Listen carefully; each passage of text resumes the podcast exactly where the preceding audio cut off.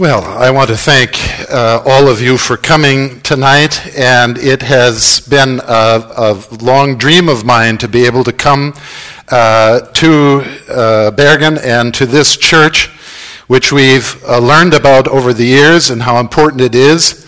We have good friends in uh, Jarle and his family, uh, whom we have been connected with for some time, and we have received such a nice welcome from him.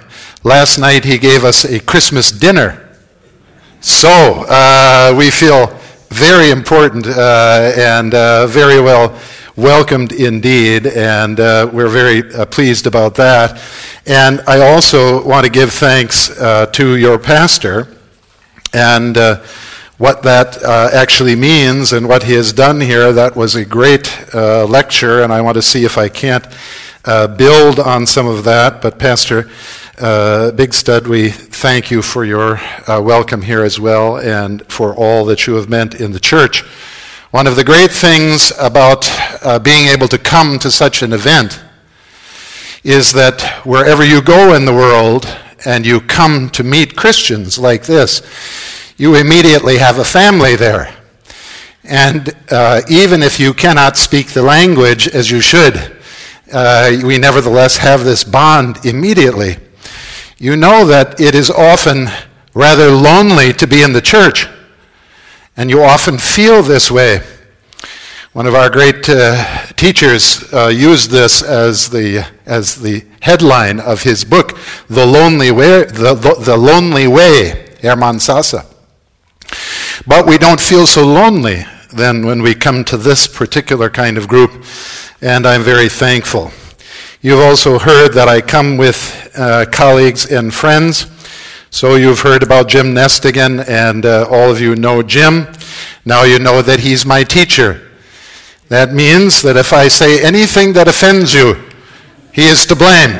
So you go to him. We also have our great friend Michael Albrecht here, who's our pastor. Wherever we travel, we travel with a pastor. You never know when you might fall into sin. You have to have a pastor along with you. I recommend this when you uh, travel anywhere, anywhere you go. So we bring uh, Pastor Albrecht with us as well. Uh, I feel the need to apologize before I really begin.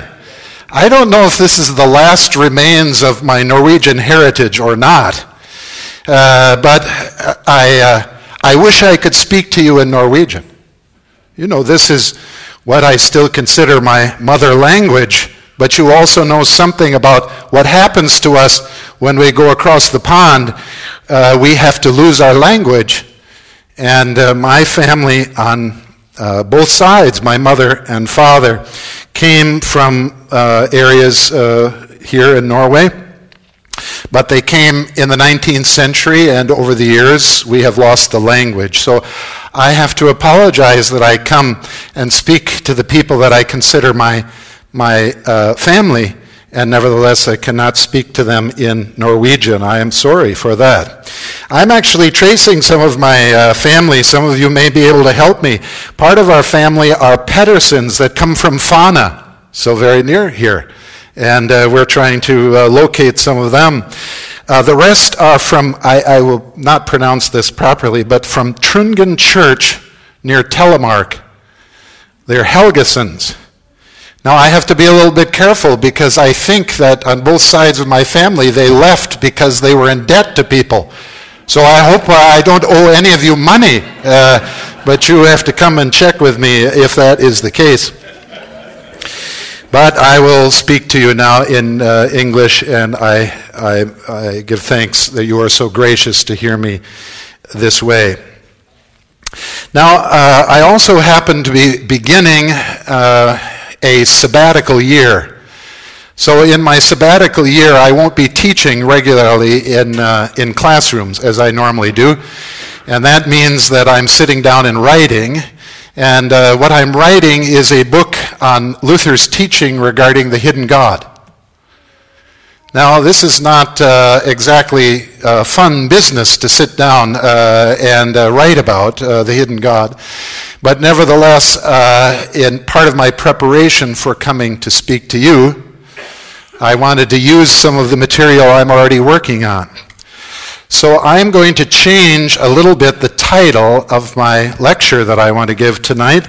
It will not be about God as a lion but it is rather going to come from the story of Moses in uh, Exodus 3 and 4.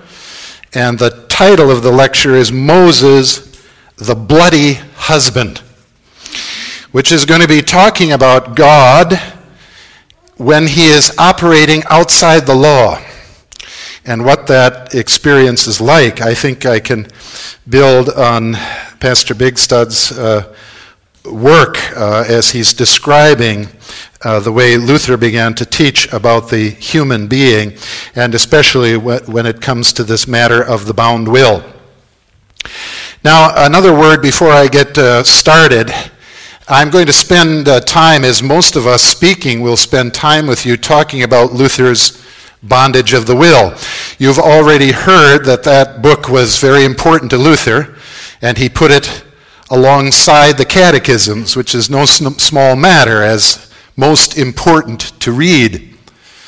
So I actually want to find a way to commend this to you so that you will begin uh, looking at this text uh, whenever you can. I use it for evening devotion.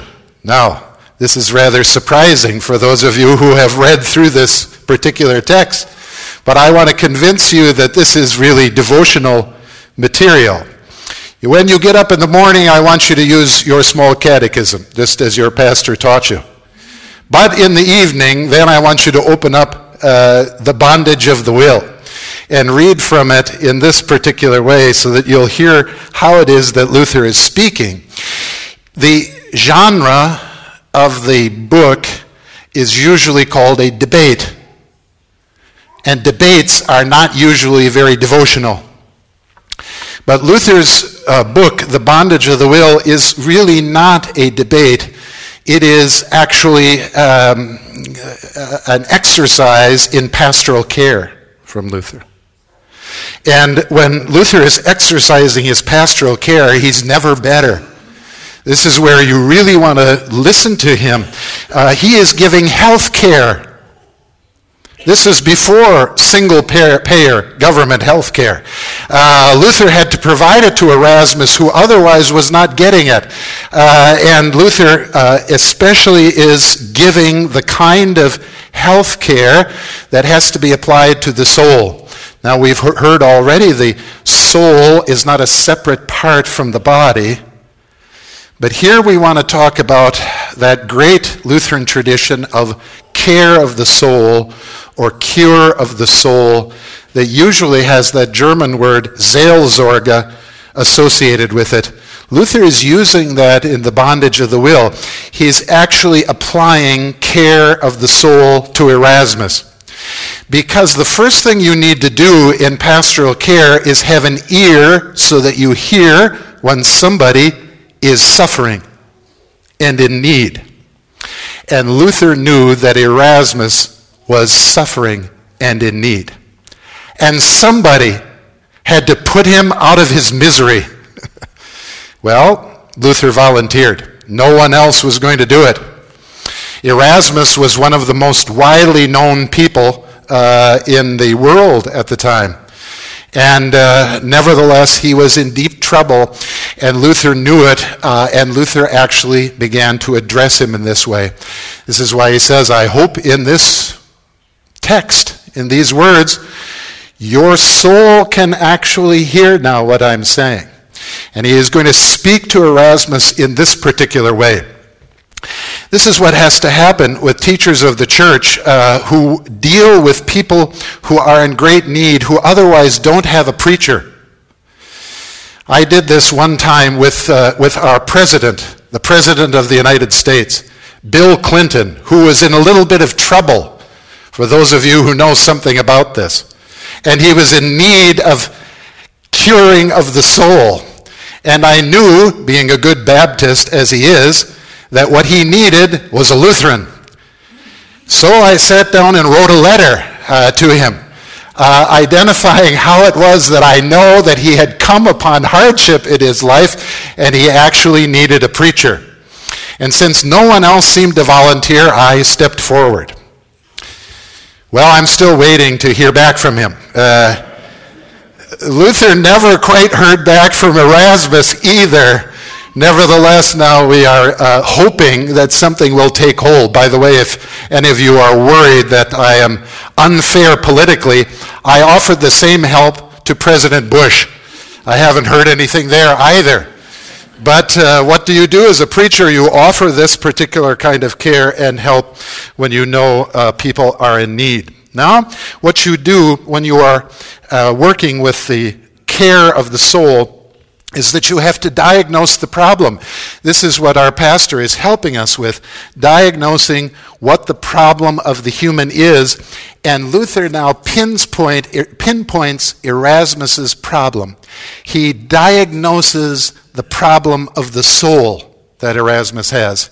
And he gives it a name. He says it very clearly Erasmus, your problem is uncertainty. Uncertainty is your problem. He even says it this way For uncertainty is the most miserable thing in the world. There is the greatest suffering. The greatest suffering is to be uncertain and to be uncertain now means that you are going to either turn inward in the self, incurvatus se, or you are going to get a preacher who is going to come and begin to heal you from the outside, as we say. So Erasmus was trying self cure. He was trying to cure himself of this. And when he's writing back to Luther, part of this is self cure. This is turning back upon the self. My uh, uh, parents uh, grew up uh, rather poor, and uh, rather than uh, get some of the more expensive me- meth- medicines, they would try self cure. And this never worked. This was not a very good and healthy sorts of th- sort of thing. So we, would, we would have old home remedies made of various types of tea it never cured a single thing. And it was not going to work for Erasmus either. Erasmus was trying self cure, and this is the way Erasmus tried to cure his uncertainty. He used a slogan that came not from Scripture, but came from the great, uh, the greatest of all philosophers, uh, Plato. And Plato used a word now that Erasmus tried to apply to himself. That is, what is, what is above us is no concern of ours. This is what Erasmus now tried to take and apply to himself so that when he was uncertain about important things regarding God, he would apply Plato's words to himself and see if it helped. Therefore, what he tried to do was uh, say, if you are troubled in your theology, then just quit thinking about it. Just don't bother yourself with it. And what sort of things did Erasmus suggest we shouldn't be bothered with? Well, listen. He says, Does God predestine anyone? I don't know. Just forget about it. Just turn away from it. Or how about this? Is there a Trinity? Erasmus says, I don't know. Let's just turn away and forget about it. Or how about this? Uh, does Jesus Christ have two natures in one person? He says, I don't know. These things are too difficult for us to grasp. I'm just going to ignore the problem. Those are things that are above me, and therefore I am going to ignore them. Then he got to the one that he was really after, and Luther is finally going to uh, treat him on Do I have free will? Uh, Erasmus now is going to say, Well, you know, when it comes down to it, in Scripture and in life, I don't know. I'm uncertain. But in uncertainty now, I'm going to use Plato's principle and just say if you don't know for sure, it must be something that you don't have to know, definitely, and just set it aside. Ignore it. Don't worry about it. We have an old song uh, in uh, a pop song in the United States that goes, Don't worry, be happy. Well, this is Erasmus's medicine. Well, how well does this work? Well, it never works. This never works this way. And Luther knew precisely what the problem was. So Luther says, I know that your problem is uncertainty, but you don't uh, double down on the uncertainty, saying, It's all right. I don't need to know if God is triune. I don't need to know if Jesus Christ has two natures. I don't need to know if I have free will. Instead, now, I'm going to set all of that aside Luther says the only solution to uncertainty is certainty. That's the only solution. And the only way that you are going to get certainty now is if you get a preacher who will stop you from turning inward upon yourself and trying to self medicate. And so Luther did this. Right at the beginning of his treatment with Erasmus, he says, he breaks off and he says, Erasmus, I acquit your heart. I'm going to now give it its more accurate translation. I absolve your heart. How do you like this?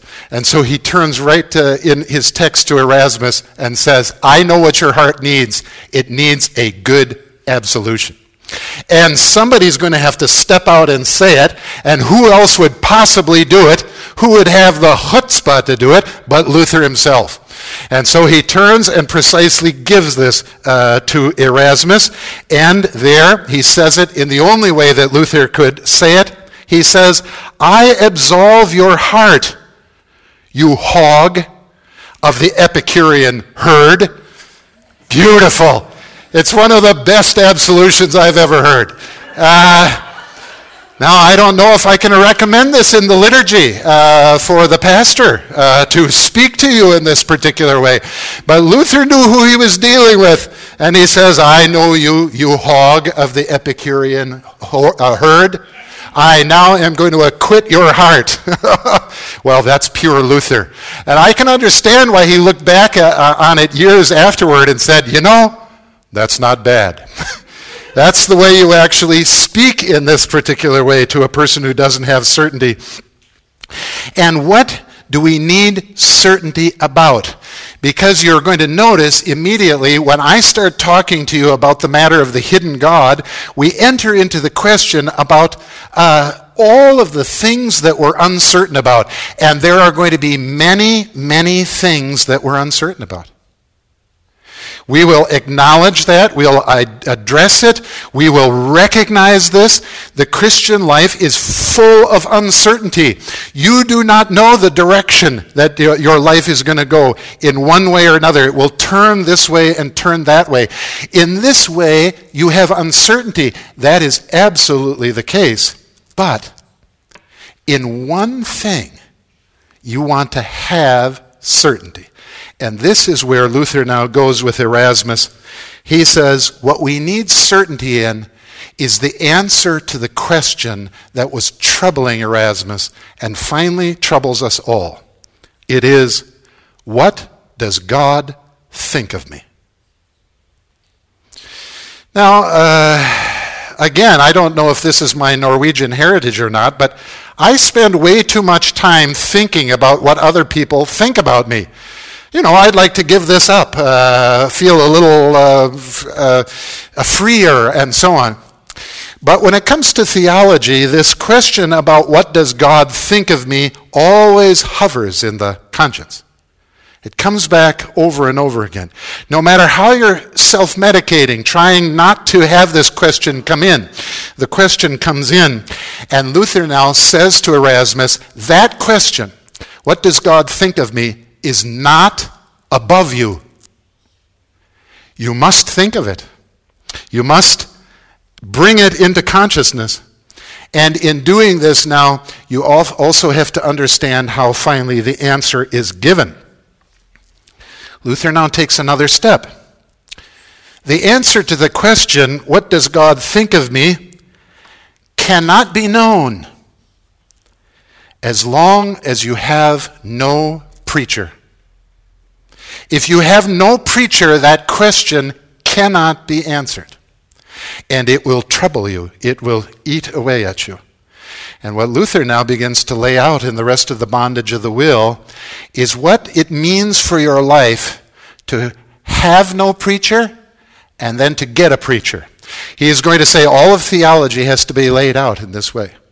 So in theology, you either have to know whether you have a preacher or not. And the difference between those two things is not just going to be the difference between night and day, it's going to be the difference between death and new life, eternal life. And in that way, now, that distinction is going to become the great and important distinction of all theology.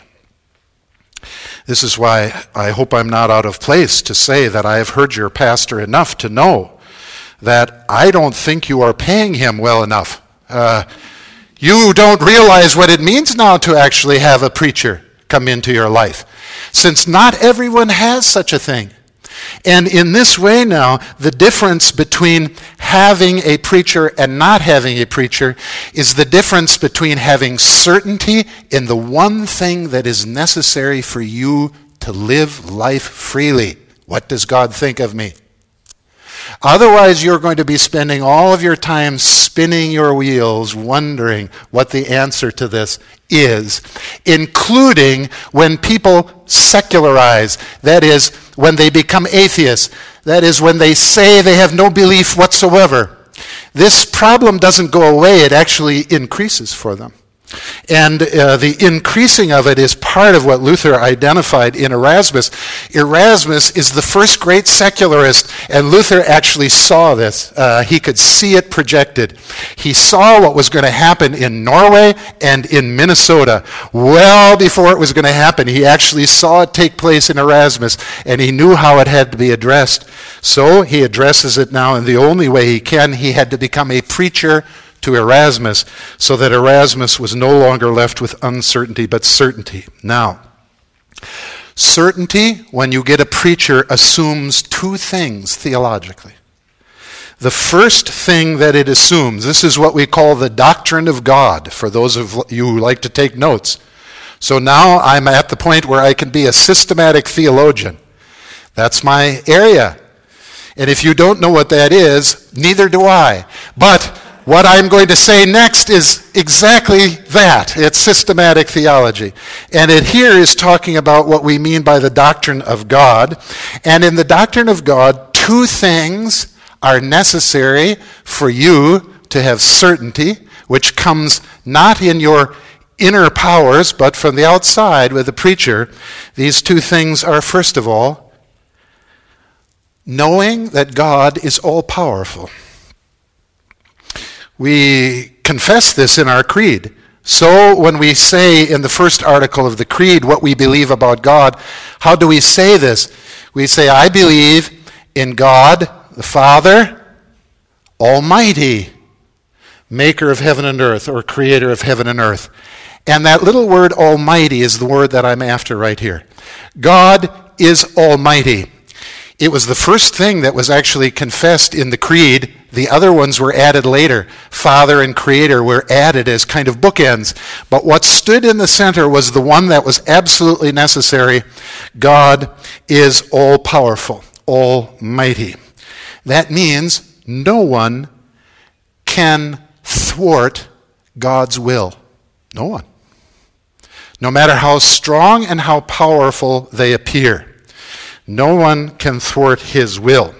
I said there were two things. The first is the teaching of the almightiness of God. The second is to know precisely what his will wills. If God's will is powerful and cannot be overcome by any other will, then what do we need to know? To know? What does he will? What is this will of His that no, no one and nothing in the cosmos can overcome? Here, His will is very strange. The strangeness of His will is that He puts all of His power into the mouth of the preacher in the form of a promise, which is then bestowed and given to you, which will tell you the answer to the question What does God think of me? And when you get that answer, What does God think of me?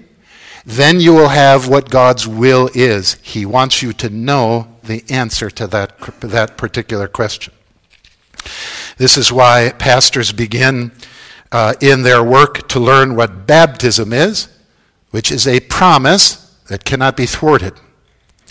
And in that uh, way, uh, we can then uh, turn uh, to uh, what I intend to work with a little bit in Exodus 3 and 4, Moses, the bloody husband.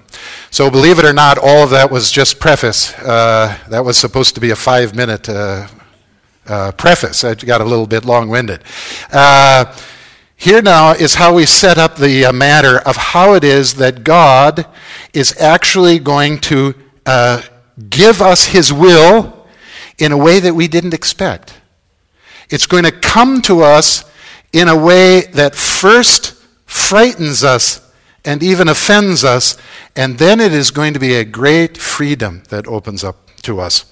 Uh, one of the best ways to teach this, I think, is in the story of Moses, the bloody husband. And for this, I can tell you where I am going to conclude uh, and then spend a little time filling it in for you.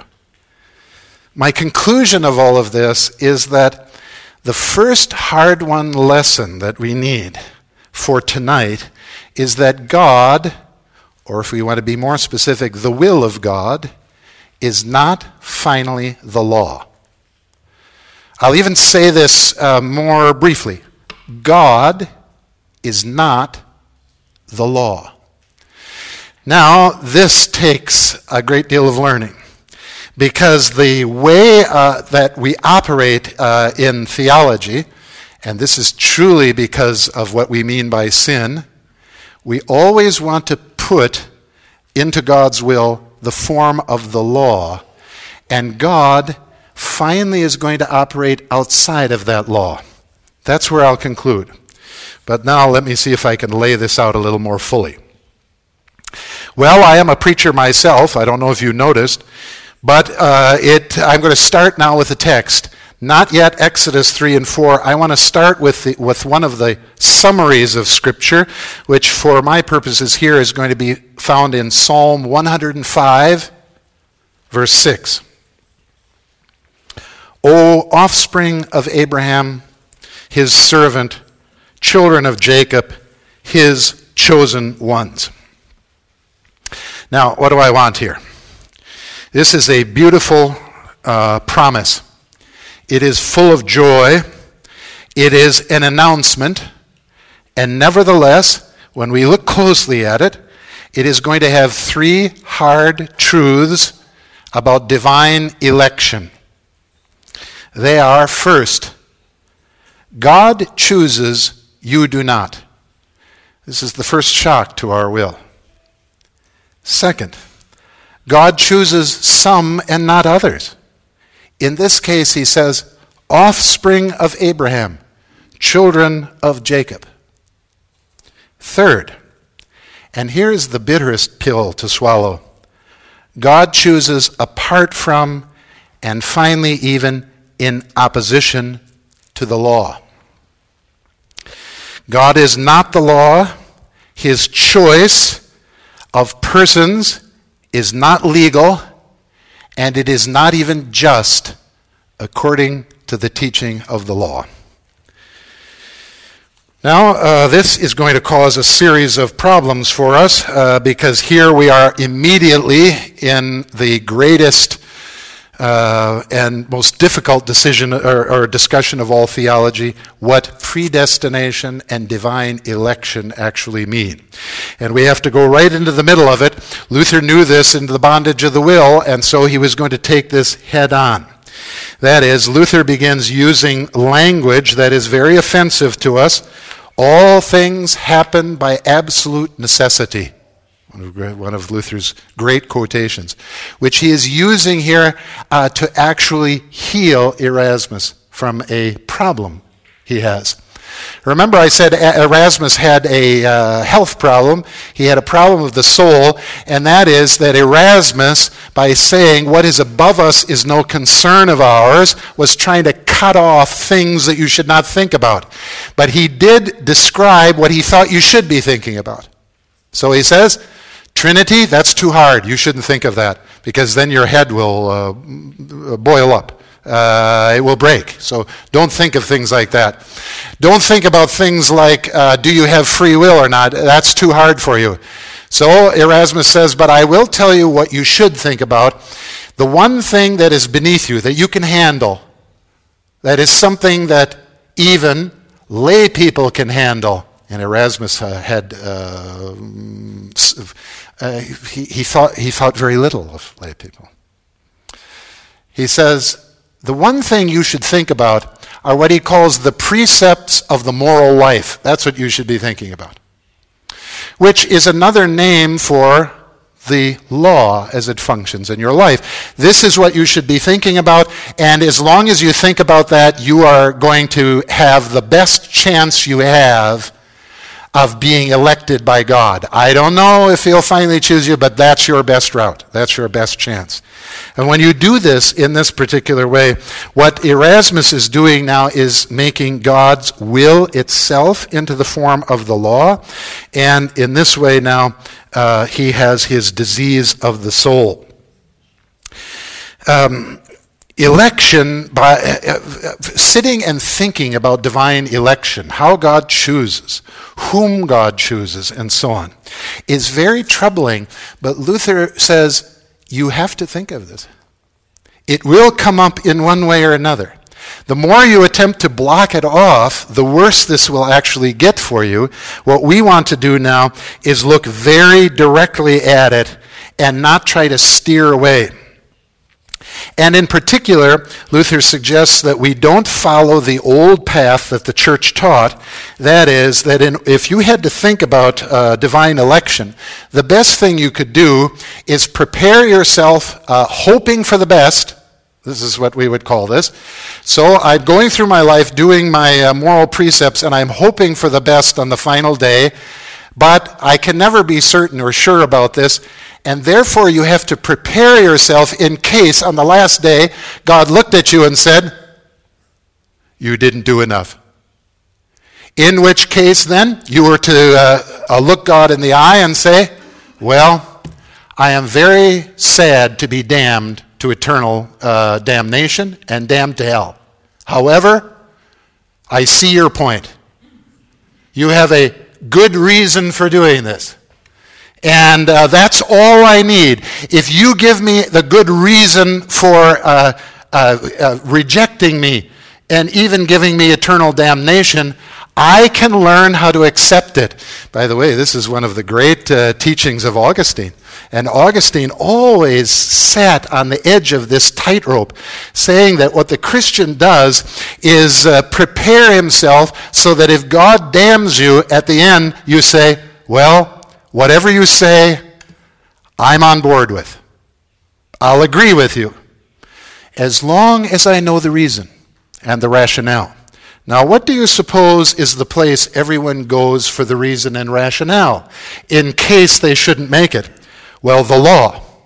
And there, what you are doing is telling yourself, I will try to do this law, but if in the end I'm not chosen, then at least I know that God is just and right, and He has damned me for a good purpose. We actually have a name for this uh, in the United States. We call this being a Norwegian bachelor farmer. This is what we call being a stoic.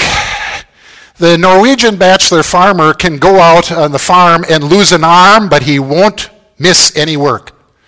He'll just keep going. Uh, and nothing is going to stop him no matter what. And the whole idea of the Christian life is to become that Norwegian bachelor farmer so that no matter what happened, even if God damned you in the end, you'd say, Well, I don't exactly like it, but I can take that too. When we're in another part of the country, uh, we call this uh, uh, uh having a strong Presbyterian uh, disposition. Uh, so that you're going to take this one way or another.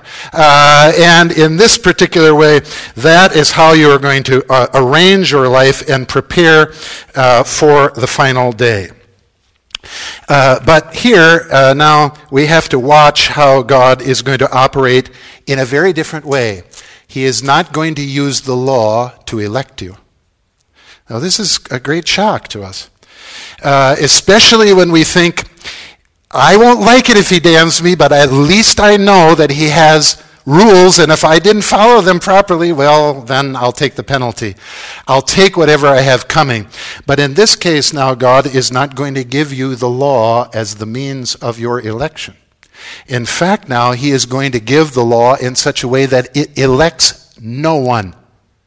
This is what Paul now means in Romans 3 when he says, All have fallen short of the glory of God. Not one.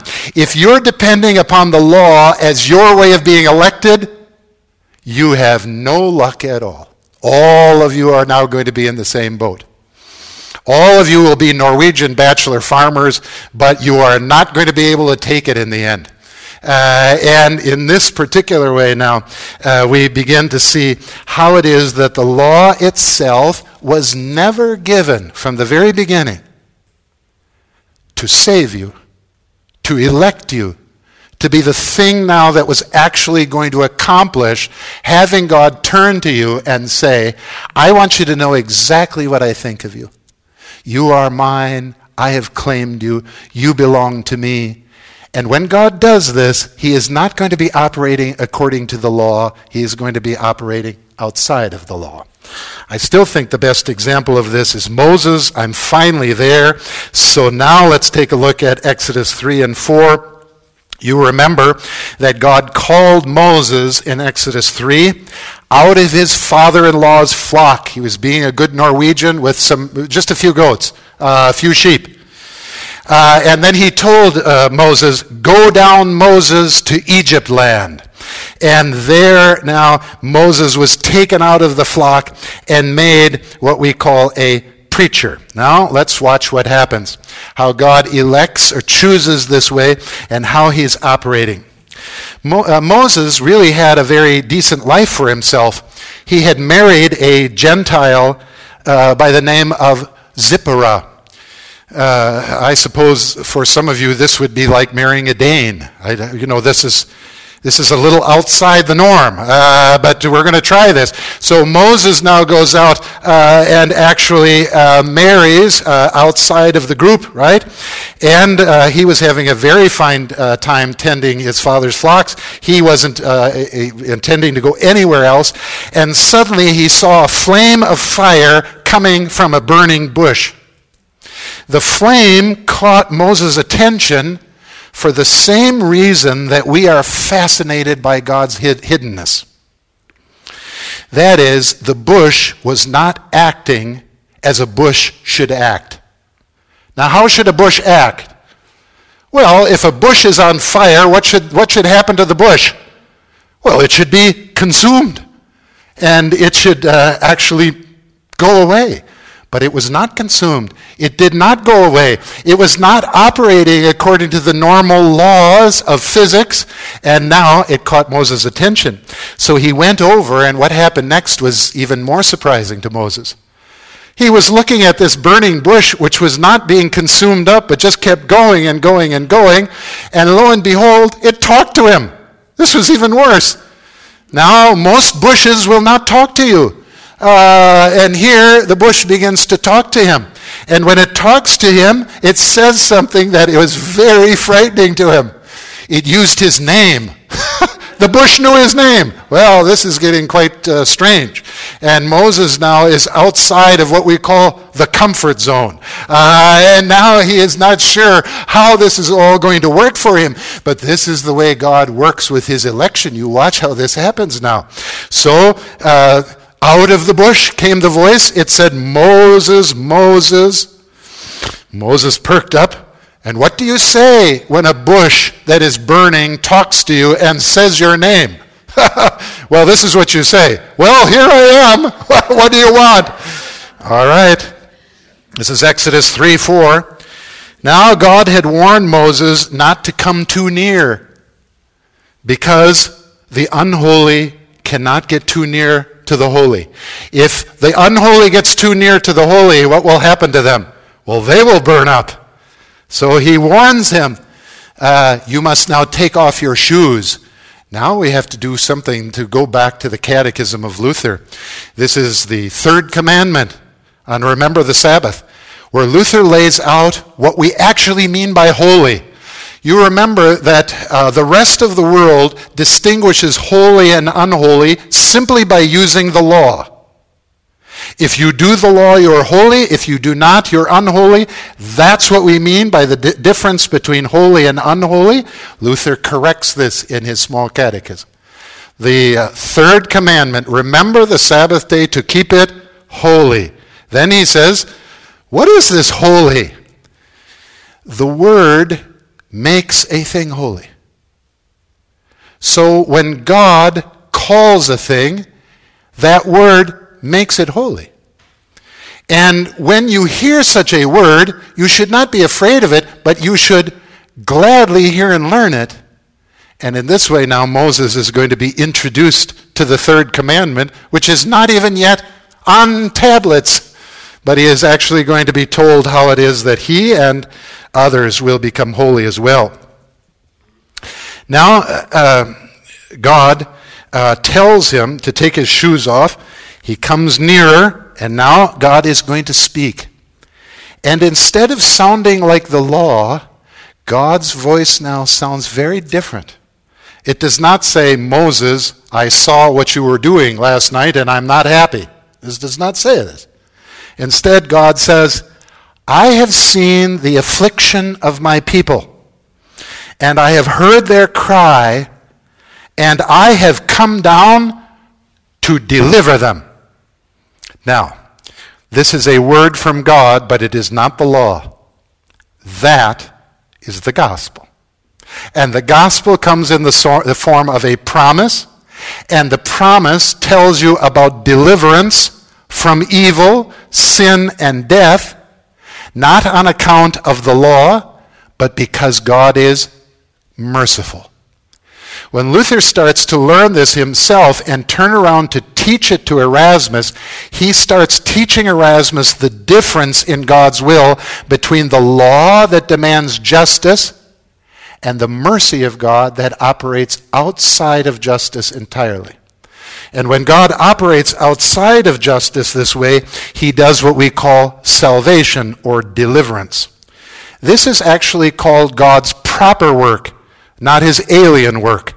One of the great uh, teachings that comes from Luther on the hidden God, where he uses Isaiah 28 to distinguish when God is doing what he really wants to do, his proper work, and when God is doing what he does not want to do, his alien work. And in this way, now he is giving his proper work. And when he gives his proper work, he gives a promise, but Moses is not used to the promise. So when the promise is given, Moses' response is the same response that every pastor who has ever been called on earth uh, gives I am unworthy. I'm not worthy of this. So the preacher always says, I am not worthy of this office. I cannot be the one who takes this word down to Egypt land and actually bestows and gives it. You have to know that I am not up for this task. Uh, and uh, uh, the, uh, uh, according to the law, you should not have chosen me. Nevertheless, God goes precisely through with this plan. Now, uh, if we had more time, we could look at uh, some more details, but you remember that God counters every one of the attempts of Moses to sneak out of his job. His job is to go down and give this promise. Moses doesn't want to give this promise. Uh, and he says, I am slow of speech. God says, I know you are. Uh, you're a terrible rhetorician. Uh, no one would ever want to listen to a sermon of yours. Uh, uh any t- if you tried to start up a parish, wherever it was, it would, it would be unsuccessful. However, I am now going to give this to you in a new kind of way. I'm going to appoint Aaron for you. So uh, when, uh, when somebody actually has to say these words, we'll let him be the voice for you. You remember how he goes through in each case and he tells Moses, uh, This, uh, I'm not letting you out of this. This is going to be your call now. You will be called to become a preacher because it is through the preacher that I want to actually uh, elect my people. This is the way this is going to work. In the same way that it worked for Abraham, the same way it worked for Jacob, and so on. They also did not merit this according to the law, but they are nevertheless given it to, given, uh, uh, uh it to them by the promise. And in this way, Moses finally had to go. Now, uh, the final strange thing happens to Moses. He has now completed seminary training. Uh, he has had his class, which came from the burning bush. It was a very fine class, very good lectures given, uh, and all very succinct, brief. And it came now in the form of the promise and then the pastor is all set to go. Everything is ready. He knows where his first call is. He's going to go down to Egypt. Now, listen to the fourth chapter uh, of Exodus, verse 24. That night, at a lodging place, on the way, the Lord met him and sought to kill him. Well, uh, my, one of my teachers, some of you know, Gerhard Forde, used to refer to this as Moses Baccalaureate. There it is. He is ready to be sent out, graduated, sent out as a preacher. And what does God do after he has done all of this work preparing a preacher? He tries to assassinate him. Now, those of you who are preachers know how this works. This is the beginning now of uh, what will uh, be called a bloody husband, because the only one who knows what to do in this situation is his wife. Zipporah now. Uh, takes uh, matters over because here she sees that her husband has pre- been prepared for an office that he did not choose or want. Nevertheless, he has been placed in it. And what does God do immediately? He tries to assassinate him. Now, I have my own little theories about this. Uh, but the night is getting long and I can't go on and on about it. I happen to think that Jesus Christ slipped out the back door and decided he was going to take care of Moses and the law once and for all. But that's pure speculation, and I don't want you to go too far on that particular matter. Nevertheless, now there's Moses uh, uh, wondering what has happened. God has called him through the bush, and what's the next thing that happens? God comes down and tries to kill him. Now, Zipporah does the only thing she can think of. She says, Get the flint, and I'm now going to circumcise our new son. And she takes now uh, the uh, bloody circumcision and throws it on her husband and says, You are a bloody husband. There you have it. Well, I mean, uh, those of you who are married to pastors know what this is like. I mean, uh, you, uh, you know uh, how it is that you want to protect them, and you'll do whatever you can. The only thing she can think of is to do what the old story of Abraham uh, said to do that is, a sign is given to you of the promise that has already been made, the sign of circumcision itself. So she tries it to uh, see if she can protect her husband. And lo and behold, we have no idea what God is doing or why he decides not to kill Moses that night.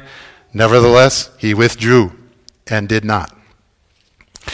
Now, here, uh, a preacher is always a bloody husband and is operating in blood, as we say. and in this particular way knows that when he is operating with blood, he is not dealing with uh, uh, what uh, lawyers will typically deal with during a day. That's important work. But when you get a preacher now, you are really going to get into the bloody matter of what makes the difference between death and life. And here it is that God is having everything depend upon His particular word. And it is very typical for God to give His word as a promise and then take everything away from you except that word itself. So that seeing and feeling tell you the opposite but the only thing you're left with is what your ear hears. And what your ear hears now means I have been reduced, like Moses, to nothing but a big ear. That's it. That's all I've got. The same thing happened to Abraham. The same thing happened to Jacob. By the way, the same thing happens to each one that God comes and gives a promise to. Everything else is taken away so that feeling and sight are not the means by which your faith comes, but it is by hearing. So now we go to Romans chapter 10. Uh, fides ex auditu. Faith comes by hearing. Now I can even uh, be a little more refined. Faith comes by hearing a sermon. It comes through a preacher. And the preacher now is the one who has uh, been given in such a way to give you the words that are going to elect you unto eternal life. This is a remarkable matter. And if I didn't know better, I would say that God had just created an insane system. Nevertheless, he proceeds in precisely this way so that he appoints preachers who will deliver his promise in places no one thought was uh, possible. And in that promise, now he makes an ear that can hear by the power of the Spirit, and in this way he elects and chooses. And all of this is done outside of the law, in what for Moses was a very scary thing. From the bush to the night he was almost assassinated, and nevertheless, this word remains. This is why later on we have to say, as Luther himself says, it is true that Moses for us is the one through whom the law is given. But he is also the first Christian. And in this particular way now, we hear the promise that he uh, had to bestow. And in this way, we begin learning how it is that we have a God who is very strange and is operating in a way that we do not expect which is entirely outside of the law, and nevertheless, it is precisely the way he wants to deliver this through his bloody husbands who are now sent out in this particular way. And Luther now says, Erasmus, I am your bloody husband now, in such a way that I am going to deliver this particular word to you. And this is what will make you certain, nothing else will. That certainty now is what it means to actually get a preacher uh, you people uh, have uh, received one. This is a great thing. In such a way now that I am going to be bold and say, even though I don't know uh, you uh, inside and out, I am going to make a guess, and that is that you are actually a sinner. In such a way now that you actually need to receive a word. You first received it in baptism, and if you have not yet received your baptism, then why not? We'll give it to you right here and now if you need it. But when you receive this promise, I do for you exactly what Luther did for Erasmus. I acquit your heart of all that is afraid of this God and the way he is going to operate with you.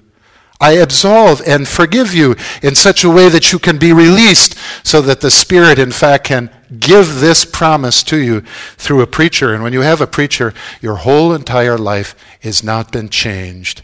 It is free and it is eternal. Amen.